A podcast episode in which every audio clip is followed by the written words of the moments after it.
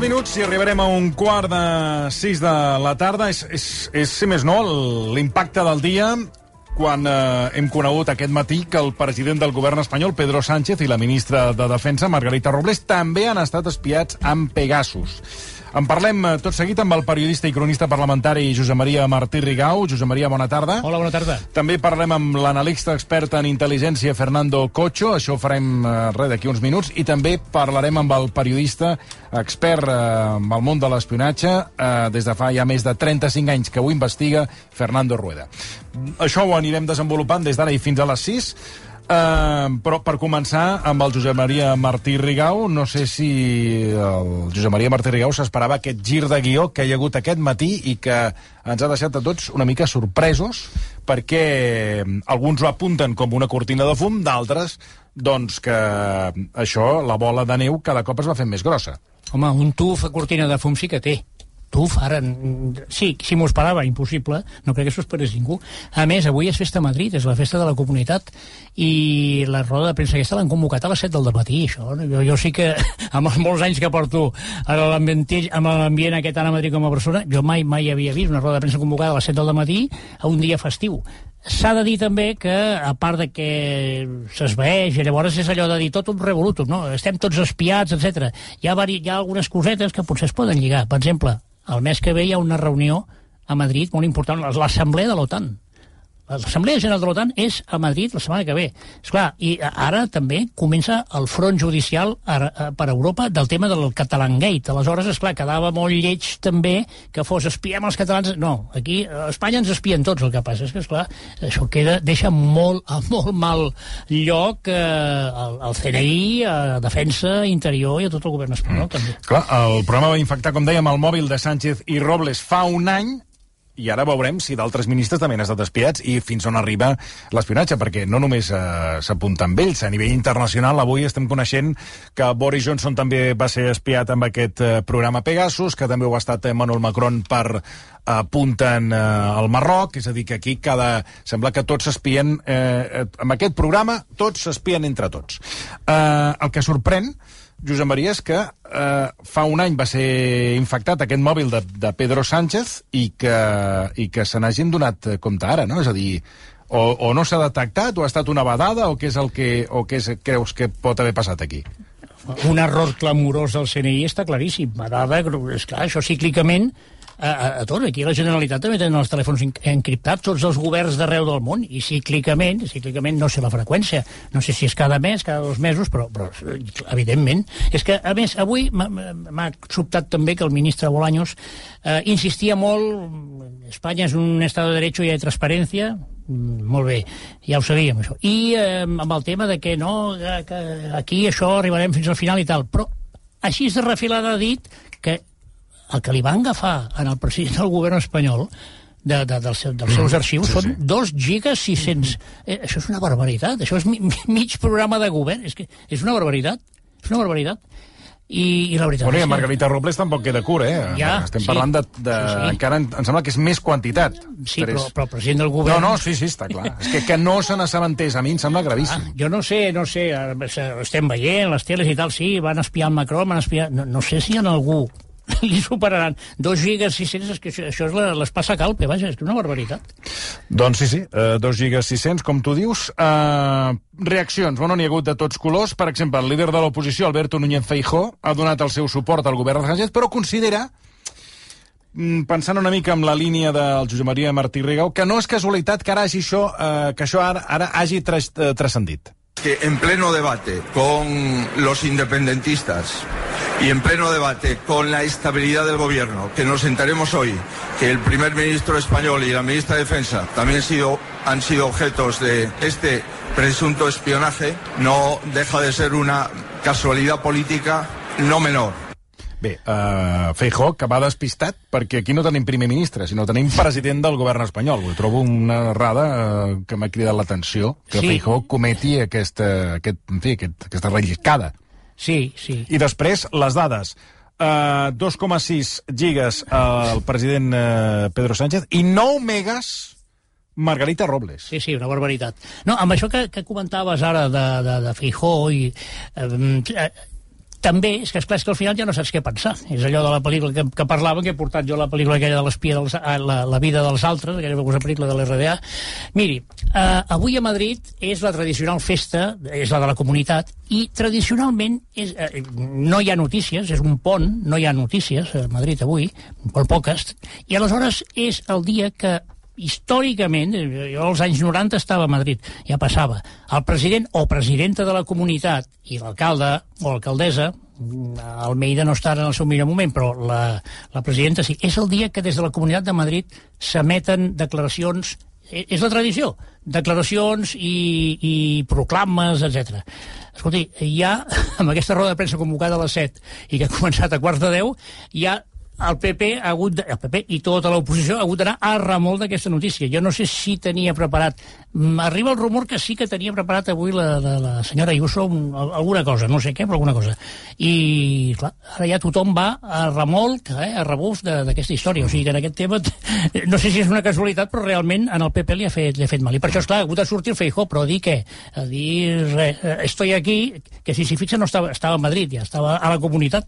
Jo crec que avui els del PP tenien preparada alguna cosa i mira, ara ja se'ls ha neutralitzat. La Moncloa el que ha dit és que l'espionatge es va fer des de fora de l'Estat. Bé, mmm, entrem en matèria amb especialistes que ens acompanyen. Podem saludar a aquesta hora el Fernando Cocho, que és analista expert en intel·ligència.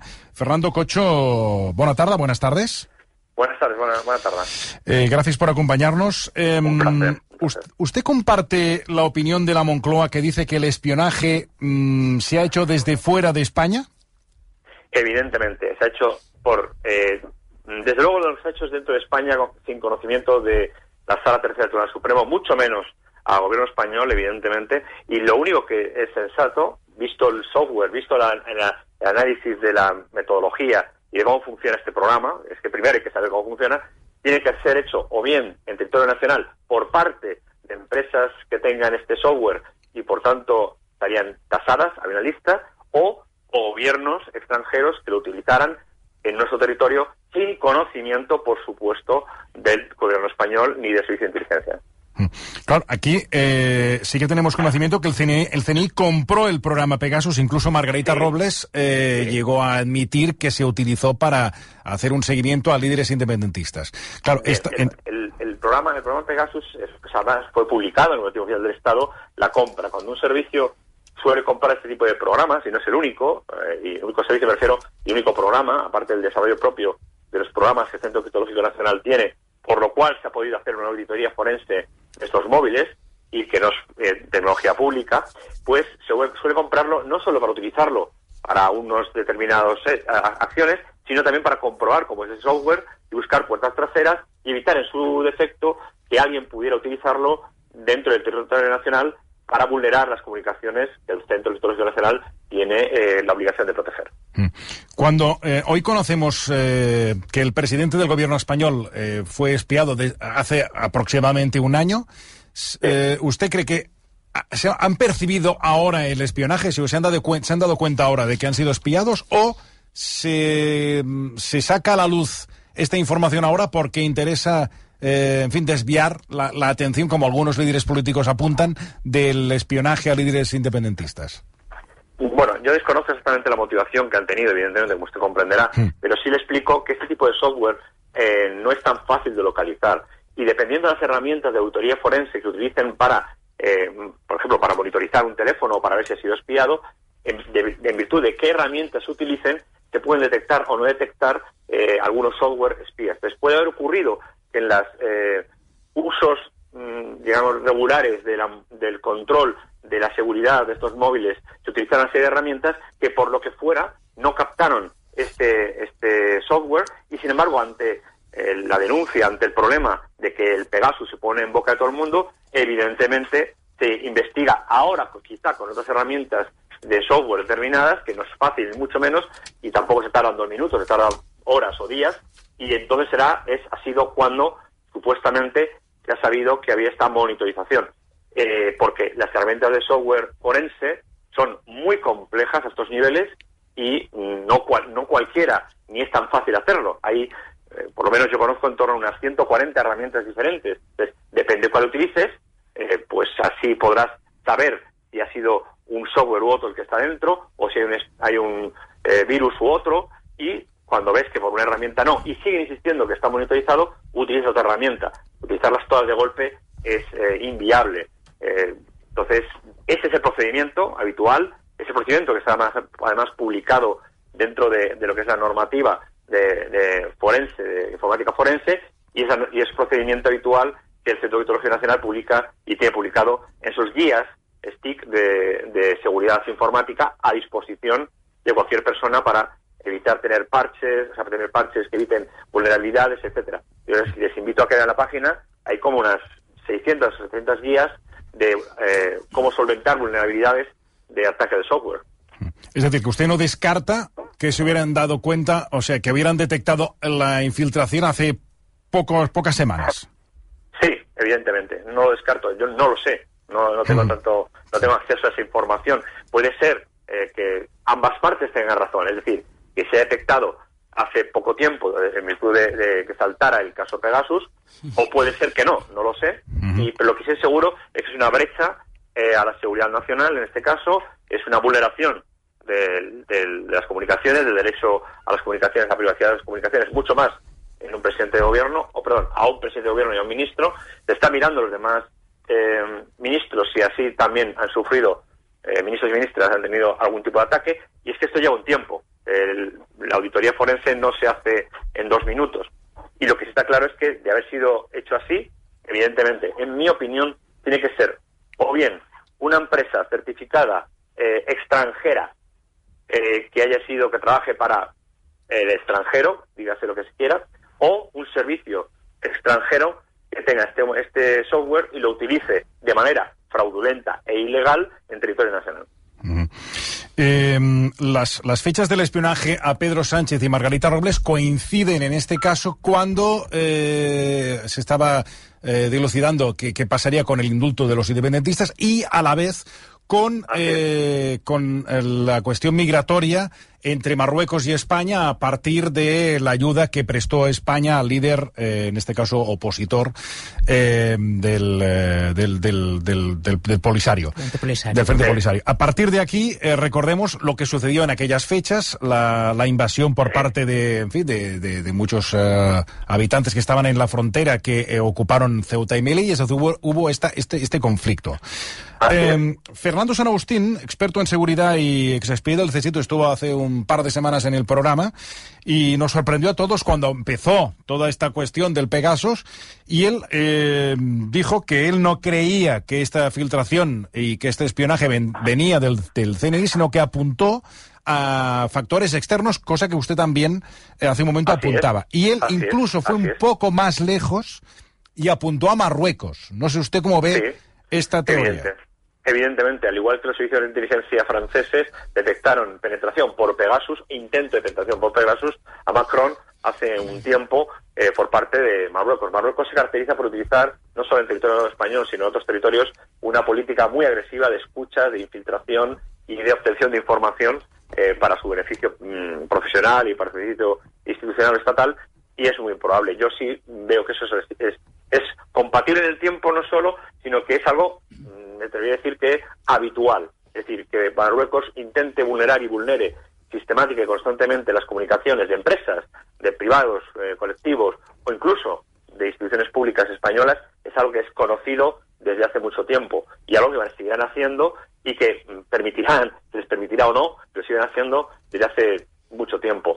Lo que sí hay que saber es quién tiene el software Pegasus, quién los tiene legítimamente, es decir, las empresas, no solo gobiernos, sino que están eh, ligadas a, gobiernos y que la lista esa nos dará sorpresas o por ejemplo que por supuesto España pero también lo tiene eh, Polonia también lo tiene Marruecos y en el caso de, Gran Bretaña lo conocen y como la ley de Gran Bretaña es una ley bastante, una ley bastante más estricta que la española pues no vamos a saber nunca realmente si fueron escuchados o no porque la ley nacional el, el colectivo Cobra es de antiterrorismo y delincuencia pues eh, declarar secreta ese acta y no sabremos si a Boris Johnson le han espiado o no. Pero está claro que, que, lo, que Marruecos, entre otros países, lo tienen, lo tienen constantemente utilizándolo. Aquí al final, bueno, la, la, la, la realidad es que todos, da la sensación que todos los países tienen este programa y todos los países se espían unos, unos a otros y la este sensación... u otros, este u otros. Sí, sí. Este u otros. Existe el Cerberus, que en Cataluña lo conocen muy bien, eh, existe en su momento el antiguo, ya muy, obsoleto, pero que sigue funcionando a medio plazo, digamos, a, a, cortas análisis, que es el, el Carnivore, que utilizaba el FBI, y tenemos una herramienta que todos utilizamos, que además le damos permiso para que nos monitorice y nos controle, y lo hacemos de manera constante y permanente, diariamente, que se llama Gmail y Google. Porque por la Ley de Seguridad Nacional de Estados Unidos, la Homeland Security, después del 11S, todas las comunicaciones, todas, que las empresas norteamericanas tengan dentro del territorio nacional norteamericano o fuera, están obligadas a entregarlas todas a la NSA. Es decir, eh, Facebook, LinkedIn, Twitter ya no, porque Twitter ya pertenece a otra persona, pero bueno, Twitter en su momento, Google, así como todas las empresas de telecomunicaciones, entregan de manera obligatoria todas las comunicaciones que sean reclamadas por la NSA al gobierno. Señor Cocho, si esta hipótesis que usted está poniendo encima de la mesa, apuntando ¿Sí? hacia Marruecos como. Una posible origen de, de esta, de este espionaje. Esto desde un punto de vista legal, es decir, si esto se llega a demostrar, si ahora se abre una investigación y se llega a demostrar que esto viene de Marruecos, aquí, ¿qué, qué pasa legalmente? ¿Se denuncia a Marruecos? O sea, ¿cómo se solventa Bueno, este problema? Eh, en, en los, en los temas de inteligencia son temas un poco más escabrosos que todo esto, en el sentido de más complicados. No es fácil demostrar la autoría en última instancia, la adjudicación en última instancia de un gobierno, como sabemos tampoco se puede, eh, aunque se sospeche y todos los indicios sean así, de que Rusia esté detrás de los ataques a ciertas empresas o instituciones. No se puede hacer una, una atribución de identidad en última instancia de una manera fehaciente. Sí se puede sospechar, y evidentemente de sospecharse, evidentemente se buscará una respuesta por parte de Marruecos, el cual lo negará, evidentemente, y lo que habría que hacer para poder demostrarlo es encontrar, detectar, eh, detener a los miembros eh, ilegalmente que escuchen, si son marroquíes o de cualquier país, en territorio nacional y ponerlos a disposición judicial o, evidentemente, también expulsarlo del territorio nacional y presentar una reclamación eh, formal eh, eh, al gobierno marroquí por parte de los exteriores y por parte del gobierno español. Pero eso habría que verlo y habría que ver si se puede demostrar. Pillar a los agentes, pillarle el, el- Pegasus, el programa, con el, con el, con el ordenador, pillarles eh, con las grabaciones. Eh, bueno, es una labor de contrainteligencia que se puede hacer, pero que a lo mejor interesa o no interesa hacerlo. Depende de los intereses que tenga el gobierno, claro. Déjeme hacer una última pregunta y es, eh, po- ¿podemos estar delante de dos casos que, que son paralelos? Paralelos. Es decir, la, Sí, la, sí. la Ya- ya- ya- es decir, la investigación a los líderes independentistas, es decir, esta, esta espionaje a los líderes independentistas, y ahora, hoy hemos conocido, a partir de, de todo lo que ha saltado a, a la luz pública, el espionaje al gobierno español. Evidentemente, pero quiero, evidentemente son cosas paralelas, evidentemente. Pero un caso que sí quiero destacar, por favor, si me lo permite, Sí, por favor. es que de ser, de ser una escucha, y no espionaje, porque si es una escucha autorizada por un juez no es espionaje, es monitorización de comunicaciones que afectan al artículo 18 de la Constitución en su apartado 2 y 8, y tiene que firmarlo un magistrado de la Sala Tercera del Tribunal Supremo, de ser así, de ser hecha esas escuchas a independentistas o miembros de los independentistas o asociados, como quiera llamarlo, pues sería bajo la orden de un juez. Eh, y, si, y, y es así. Si no es así, es un delito eh, gravísimo y yo no creo que el gobierno español, ninguna parte de él, se atreva, se atreviera a hacerlo, ni mucho menos el CNI. Mm, Si me permite una pregunta, le estoy Dígame. escuchando con mucha atención. Eh, gira alrededor de lo que acaba usted de, de afirmar. Mire, yo, yo, yo no me puedo llegar a creer, pero es que de todo lo que se está diciendo estos días, hay una cosa que es que no me la puedo creer, es imposible.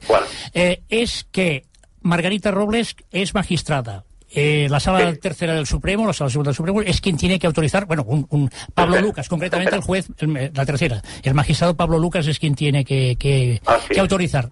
Oiga, yo no me imagino a un juez, a un magistrado, dando permiso para escuchar, para espiar las conversaciones de un abogado eh, cuando está pactando o hablando de temas de la defensa con un defendido. Esto en, el ámbito jurídico es, es, es terrible. Y si pasa una sola vez, lo que no lo veo es ya generalizándolo. Yo esto, esto se me hace imposible. Eh, Yo estoy con usted, yo estoy con usted. Yo creo que de eh, esa escucha a la que usted se refiere tiene que estar muy, muy, muy bien motivada al, al magistrado de la Sala Tercera del Tribunal Supremo para que el Tribunal, el Tribunal Supremo se permita eh, violentar el artículo 18 de la Constitución, ese apartado 2 y 8, evidentemente. Pero cuando esa motivación, esa, esa solicitud motivada que se llama al magistrado se le hace, se dice en tiempo, plazo y forma, es decir, a esta persona en este momento, durante este tiempo y solo para esto, es decir, que si en esa comunicación eh, se está intentando saber si, si tiene o no tiene gatos y perros y sale que trafica con armas, eso no saldría, no sería utilizado nunca judicialmente, porque el magistrado dice para qué, con qué, cuándo, hasta cuándo y por qué motivo se escucha a esa persona.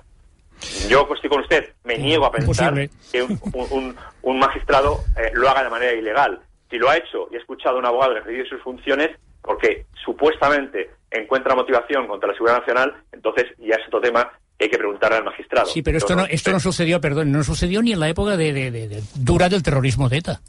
Era es sagrado, entre, Bueno. entre los magistrados y tal. Es, Eh, es sagrado no espiar a los abogados. Es que es una- algo... Yo le puedo hablar, yo le puedo hablar de lo que es la legislación actual a Mm. partir de la eh, conversión del CSID en CNI. Lo que ocurrió previamente al- a ese sistema está bajo secreto sumario.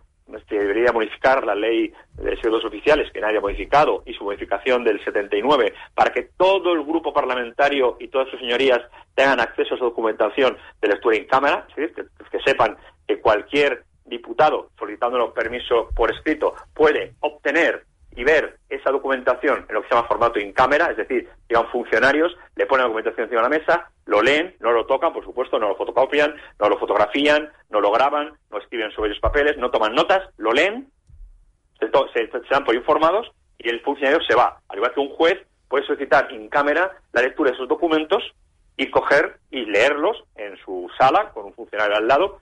No los toca, en el sentido no los escribe, no toma anotaciones, eh, no fotocopia, no hace nada y tras leerlo el juez, dado que son documentos que afectan a la seguridad nacional, se da por enterado y emite su, su dictamen o emite lo que quiera decir o se, da por enterado esa información. Pero insisto, tras la reforma del 79 se puede, por parte no solo de la mal llamada Comisión de Secretos Oficiales, que no se llama así, pero bueno, no importa, coloquialmente es esa, sino en virtud de la Comisión de, de Inteligencia del Congreso y del Senado, y los congresistas y senadores pueden obtener esa información conforme a la ley.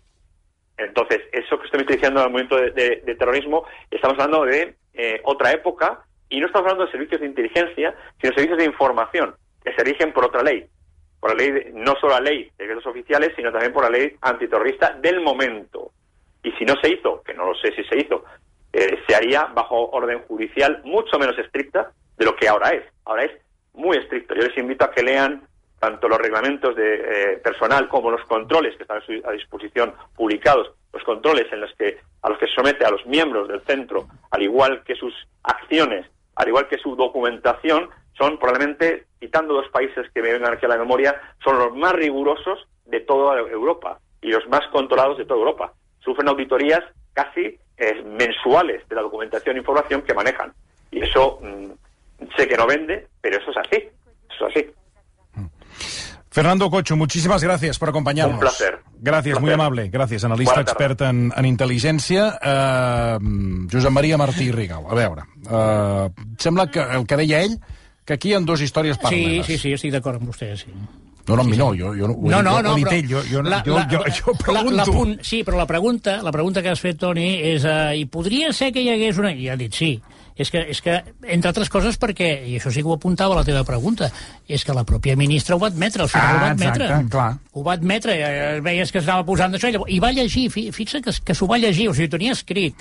Uh, i va dir, oh, què ha de fer un govern i tal, que això és rebatible tot, però, en definitiva, segurament, com ha passat altres vegades, a la història d'Espanya inclosa, i ara, si vol, molt ràpidament, Sí, per favor. vegades, uh, hi ha un espionatge extern, bueno, que aquest sembla que sí, que podria, sembla que podria ser de, de Marroc o de saber d'on, però hi ha un altre, que és el, el del... Bueno, és que si no és del Marroc i no és extern, és intern, aquí estem davant d'un que- eh, pseudocop d'estat. Mm, això ha passat diverses vegades, ja. Que no seria... la- Bueno, doncs entra en matèria, miri, miri, perquè, entrem clar... en matèria, mira, home, molt fàcil. I ara en uns minuts eh, saludarem Fernando Rueda, que també ens espera. Miri, eh, eh, citaré tres casos que, que van ser bastant, en el seu moment, bastant, bastant nomenats, i un va costar el cap del cap polític, evidentment, de Narcís Serra, que és vicepresident del govern, de Julián García Vargas, ministre de Defensa, i del general, del general Emilio Alonso Manglano, que era el director del CSIC. El CSIC era, era el CNI d'aquell moment, eh, l'organisme anterior de l'espionatge. I va ser una sèrie de el, C, el CSIT en el seu moment va dir no, era aleatori, s'estaven provant uns sistemes, van gravar moltes converses. Com van gravar el rei. Moltes del rei. Van gravar, moltes sí, del sí, rei. van gravar tot, eh, molta gent. I això quan va anar, el, el tema judicial va avançar, és clar, és que de, del rei tenien moltíssim. I, per exemple, per exemple tenien moltíssim de la dianètica, aquella sí, de que es va la... dir que era una secta, tal. Tenia moltíssima cosa d'uns, de, de determinades persones, i, i, i molt poca d'altres.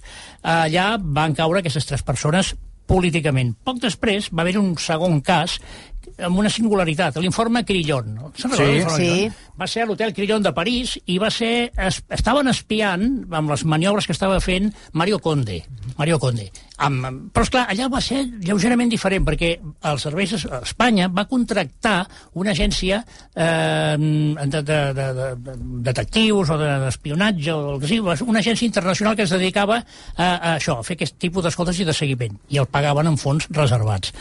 Eh, què va passar aquí? Que quan va començar a esclatar l'escàndol, també va esclatar, era una època molt convulsa als finals dels 90 a Madrid, el tema de Luis Roldán. I, és clar, allò va anar de meravella, perquè van dir, no, no, és que tot això ho portava Luis Roldán, i com que el Luis Roldán se'n va anar fins que el van trobar a Laos mm -hmm. al cap d'uns anys, així ho van poder salvar. I poc després, ja costant-nos el segle, el segle XXI, va haver-hi un cas molt, molt, molt gran, molt gros, que, que em temo que això, que jo diré que és, és l'efecte Mario Cantero, no saben qui és Mario Cantero, els explicaré qui és Mario Cantero. Um, va haver-hi a les escoltes a la seu, a les seus de Ribatasuna, concretament la, la, de, la, de, la de Vitoria. I, és clar, no hi havia sistemes que, que hi ha ara, el tipus de telefonia, i van anar uns guàrdies civils vestits de telefònica, van entrar, van remenar els fils i van deixar tot ple de, de micros. Això es va saber, això va transcendir, i això va, va, va comportar una pena de, a les primeres instàncies judicials de presó. Presó per Emilio Alonso Manglano, que era el, prim, el primer que, Cap del CSI? Sí, i després pel seu successor, que era Javier Calderón, dos generals. També van imputar i van condemnar a, a dos o tres eh, oficials de la Guàrdia Civil i a un número de la Guàrdia Civil, es deia Mario Cantero, que, que era el que van allà vestit de, amb el mono de treball a posar, a posar els micros. Això, esclar, va ser un presó, eh? els va tocar presó, a les instàncies de, de l'Audiència de Madrid. I aleshores, eh, bueno, eh, va haver-hi moviments, va haver-hi el que sigui, el recurs al Suprem i al Constitucional van quedar tots exonerats, ningú tenia culpa, excepte el Mario Cantero, el pobre guàrdia civil que anava amb la maleta sí. posada. No ens preocupem perquè sí, li va tocar una pena de presó, però al cap d'una setmana ja estava indultat. I em temo que aquesta vegada eh, tot i que l'escàndol és fortíssim, ens podríem trobar en una situació així. I això què va passar en aquest cas de, de Batasuna i els anteriors? Que començant d'una manera legal i que estava, allò es va desmadrar i es va perdre el control. Sobre la quantitat de dades, només fer una petita acotació. Eh... Sí, ràpid, que ens espera el Fernando sí, Rueda. Re, que un giga són mil megas. Per tant, li van robar molta més informació a Sánchez que no pas a Robles. Um, Fernando Rueda és periodista, fa més de 35 anys que investiga tot el que té a veure amb l'espionatge i el tenim en línia, autor de llibres com Les alcantarillas del poder, Espías, escuchas, dosieres, montajes del mercado negro de la información en España o servicios de inteligencia fuera de la ley. El seu últim llibre és Al servicio de su majestad, la familia real y los espías. Señor Rueda, buena tarde, buenas tardes.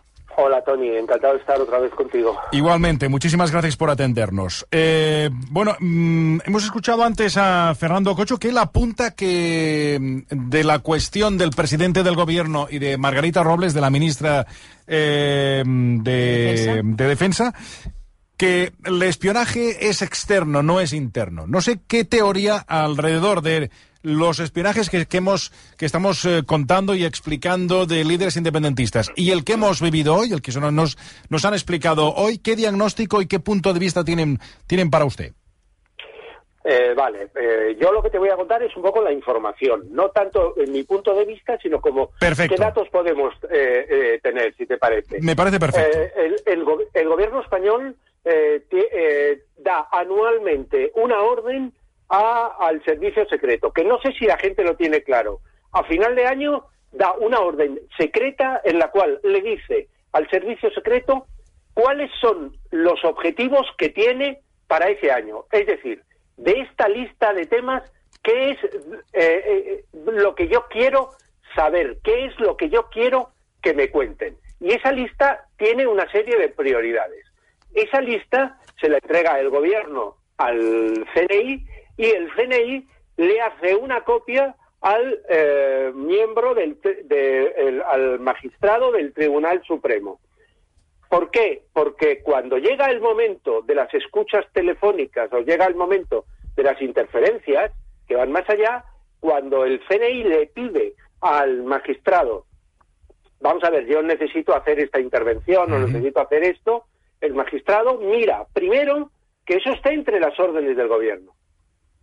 Si eso está entre las órdenes del gobierno, después entran otros otros eh, condicionantes como el tiempo, etcétera, etcétera, etcétera. ¿Vale? Por lo tanto, lo que tiene que quedar bien claro es que eh, el espionaje a, los líderes independentistas eh, lo ejerce el CNI, claro, porque el CNI es el encargado de hacer ese tipo de misiones, pero lo hace el CNI porque hay una orden del gobierno, que es que parece que el CNI está actuando como una fuerza, en este caso independiente y en este caso no es independiente. En este caso sigue unas directrices que parecen olvidar tanto los espiados como el espiador. Y en lo que respecta al espionaje que hemos sorprendentemente eh, conocido hoy, digo sorprendente por la fecha, el, eh, lo que está claro es que es el, es el, em, según las informaciones de las que yo dispongo, em, no tiene eh, nada que ver con un espionaje de dentro, es un espionaje de fuera que apunta claramente a Marruecos. Y si queréis, luego os cuento los ángulos, eh, por qué piensan que ha sido Marruecos. Mm. Yo iba a preguntarte, eh, si el, eh, porque claro, aquí se hablaba de 12, 15 personas espiadas, pero eh, hace un momento José María Martí, claro, apuntaba también abogados y hablamos, según algunos medios, de 250 personas. ¿Esto se, es aquello que se dice, se, se, ha salido de madre, es decir, había autorización para espiar a 12 o 15 o 20 y ya estamos, el, ya estamos hablando de 250 y, y uno ves a saber hasta dónde llegaremos? Tony, me parece absolutamente, eh, desde ese punto de vista, ¿vale? Eh, periodístico, me parece una exageración lo de los 250. Me parece que está fuera de, de, tono. Es decir, si lo que han hecho ha sido con una orden judicial, seguro que no, no han sido eh, o no deben haber sido ni siquiera 60. Otra cosa es que ellos lo hayan aplicado sin orden judicial, que eso yo no lo sé, ¿vale? Pero si es con orden judicial, eso no tiene ningún sentido. ¿Y tendremos ocasión de saber si había orden judicial o no? ¿O eso es, forma parte de los secretos de Estado? Eso forma parte de los secretos de Estado. Por lo tanto, solamente eh, lo podremos saber cuando vaya el, eh, esta semana eh, Paz Esteban, la directora del CNI, y se ponga delante de los diputados y a ver qué información les da. Mm. Claro, pero tendrá que Disculpa, digo, digo que, que, será una sesión larga porque tendrá que dar eh, explicaciones de este espionaje a los eh, representantes independentistas y luego supongo que también tendrá que dar explicaciones de cómo puede ser que Sánchez y Robles se, en fin, se percaten después de un año que su móvil ha sido espiado. No sé qué lectura haces tú de que ahora eh, conozcan que su móvil ha sido hackeado. Yo, mm, eh, eh, yo eh, tengo una lectura, y esta lectura sí es una lectura ya no, no, no de información, sino de interpretación. Yo mm, lo, creo que el gobierno ha caído en una total contradicción, ¿no? Esa contradicción es que tiene unos socios de gobierno y luego con los cuales negocia y lleva a cabo la política y luego encarga una, unas investigaciones al CNI sobre temas independentistas que son los que lo llevan sus socios de gobierno. Es decir, eh, mm, visto desde otra perspectiva, permite que se reúna, que se forme, porque estaba sin formar eh, la Comisión de, Secretos de Estado, y resulta que autoriza que estén una serie de partidos que son los que él mismo considera que el CNI tiene que, espiar porque pueden estar eh, detrás de una conspiración para conseguir la independencia en contra de la seguridad del Estado. Me parece un, tema que si lo miramos bien es un poco de locos. Y ahora vamos con el espionaje a Sánchez y, Margarita Robles. De momento, veremos hasta dónde llega este espionaje externo.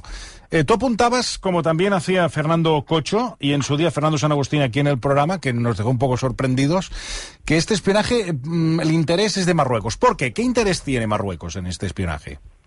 Vamos a ver, eh, Marruecos está eh, absolutamente eh, obsesionado eh, que- con España. Igual que, igual que España está obsesionada con Marruecos, ¿no? Pero no de ahora, sino desde hace muchos años. Y entonces, de alguna forma, lo que pretenden es eh, que cuanto peor nos vaya a nosotros, mejor les va a, a ellos. Eh, poner un micrófono claramente en, en- a- al presidente o ponérselo a la ministra tiene un, un objetivo que no soy solamente robarles las gigas esas que me, que me ha alucinado un poco, ¿no? Robarles la información que pueda tener. Es básicamente cuando tú eh, le metes Pegasus, tú es como si estuvieras en el despacho del presidente del gobierno, porque tú tienes acceso al, al micrófono, tú escuchas todo lo que está haciendo. Y esto lo hacen en el mes de mayo, que es cuando estaba en toda efervescencia todo el, el, eh, el, el espionaje, todo el tema de, de Brahim Gali, todo el tema de, Exacto. de la- esa, ¿no? Entonces, esto es lo que lo- la clave de, de esa de esa información, la clave de, de lo que eh, está pasando. Eh, hay que decir que en Marruecos, según filtraciones an- más anteriores a esta, eh, Marruecos tiene eh, en la- está en la lista en- después de México como al que más eh, infecciones le han pillado. Estamos hablando de, según creo recordar los datos, que eran en torno a las 10.000 infecciones. ¿eh?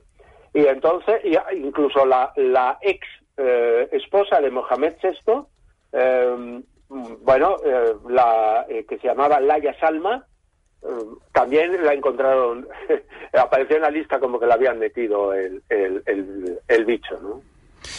Y, y toda esta información, eh, es decir, llega a Pedro Sánchez, es decir, es- esta infección llega a Pedro Sánchez, lo que no sabemos es cómo y no se detecta. Vamos a ver, yo, yo aquí te, cuento mi- eh, la, historia que yo sé que eh, hasta donde llego. Yo vi hace unos años, me enseñó el, el director del CNI, Felizan, enseñó su teléfono. Y su teléfono es un teléfono que puede parecer normal, pero no, tiene na- no tenía nada que ver. Es un teléfono fabricado íntegramente por el CNI.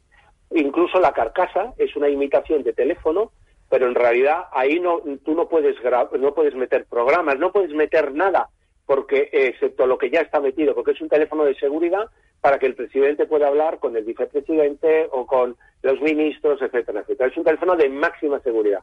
A mí, lo que me dijo en aquel momento, que es como el, el mismo como el que tenía el director del CNI, lo que me dijeron es que ese teléfono era absolutamente, eh, no, no se le podía eh, espiar desde fuera. A, a, Macro- a Macron, que también le Sí. espió Marruecos, le espiaron el teléfono privado. Eso sí, porque claro, Macron tiene el teléfono público y luego el teléfono privado con el que habla con su con su mujer, con los amigos, etcétera, etcétera, ¿no? Y entonces, ese es el teléfono que le intervinieron. Y entonces, mm, si, si le han metido eh, Pegasus en el teléfono oficial al presidente y a la ministra, ese teléfono tiene un problema de seguridad basta- ba- eh, eh, bastante gordo. Y a mí sí me extraña como a vosotros, y yo esto no lo sé, a, a mí sí me extraña como a vosotros, que curiosamente lo hayan descubierto eh, ahora mismo después de, de, de descubrirlo de los teléfonos de los Sí, líderes sí. independentistas. Sorprende. Fernando Rueda, muchísimas gracias por acompañarnos. Un placer. Un, abrazo fuerte. Gràcies, gràcies. Buenas tardes. Uh, el seu darrer llibre, al servicio de su majestad, la família real i los espías. Josep Maria Martí. Sí, tinc dues coses a dir que si no ho dic rebento. Sí, home, i tant. A veure... No rebentis. No, no, no, no, escolta, rebentaré. no, és, no és bo. No, perquè, a veure, jo considero ser escoltat ara, no?, que deia, és que el CNI és qui ha de, de, ha, ha de, ha de preocupar-se i esp- espiar els, els independentistes. Home, jo crec que això és molt dubtós.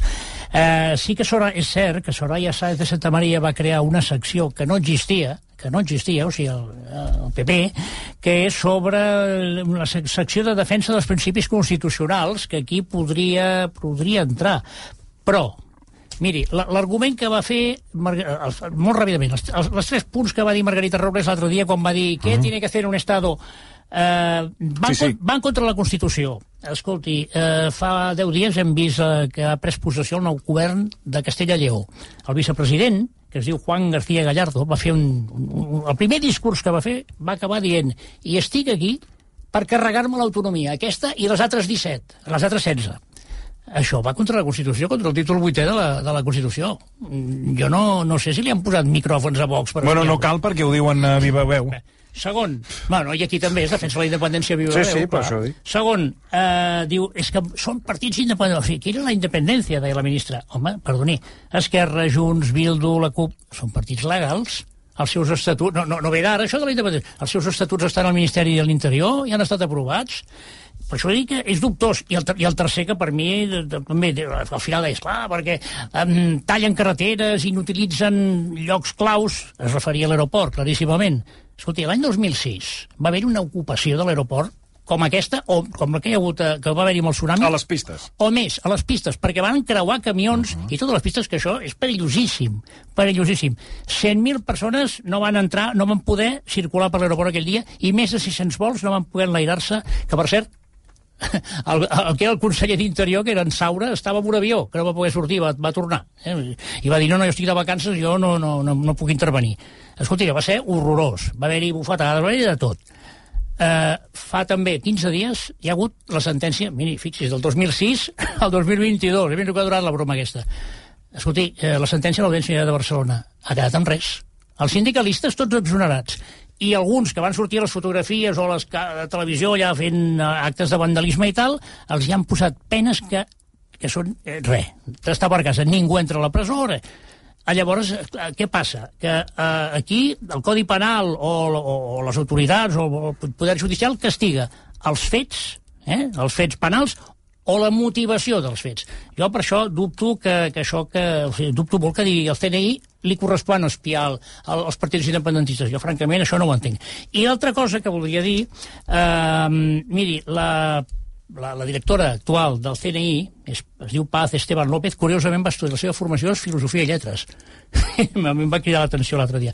És una funcionària, porta en el CNI, de, en el CSIT abans, des del 1983, hi ha molt poques fotografies seves, molt poques. Li diria que em em vaig veure una, gratant, gratant per internet, i em va recordar una mica, el, una mica, eh, el look de, de Llanos de Luna, mm -hmm. una mena del look de Llanos de Luna. Una funcionària, una persona sèria, rígida, i, és clar, entrevistes i declaracions ja no li toca als espies i al cap dels espies no li toca fer. Però, en canvi, quan va prendre possessió sí que va fer va fer una, un, una declaració que el CNI la té penjada. I jo vaig entrar i ho vaig estar llegint. Això és públic, eh? no, no, no vaig vulnerar res, cap sistema. I em va cridar molt l'atenció una, una frase que va ser un discurs molt d'agraïment als fills, la família, als companys, que, oh, que, sí, els meus antecessors. Però entremig va dir una cosa que li vull dir literal. Va dir, li digo en castellà perquè s'ho vaig veure. Queremos dar un salto cualitativo y a mí me corresponde liderar un proyecto de transformación digital que afectará a todos los sectores de actividad del servicio. Jo no sé si és premonitori o ho va dir per dir. O sigui, ella va anunciar davant dels 3.000, bueno, si Sí, sí, tots, uns dels canvis. 3.000 agents... No, Canvis di- digitals. Digitals que marcaran i alteraran a tot el servei.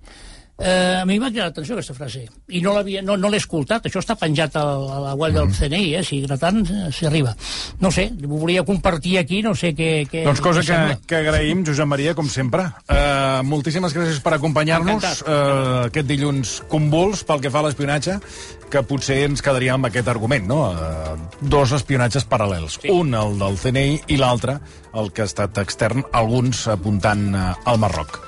Tots els que hem entrevistat avui, tots Sí, sí, sí. sí. apunten al Marroc. Sí, sí. Potser haurem de tornar a retrucar al Fernando San Agustín. 3 minuts i les 6. Després de les 6, Ramon Gené i Miguel Ríos. Fins ara. Versió RAC 1.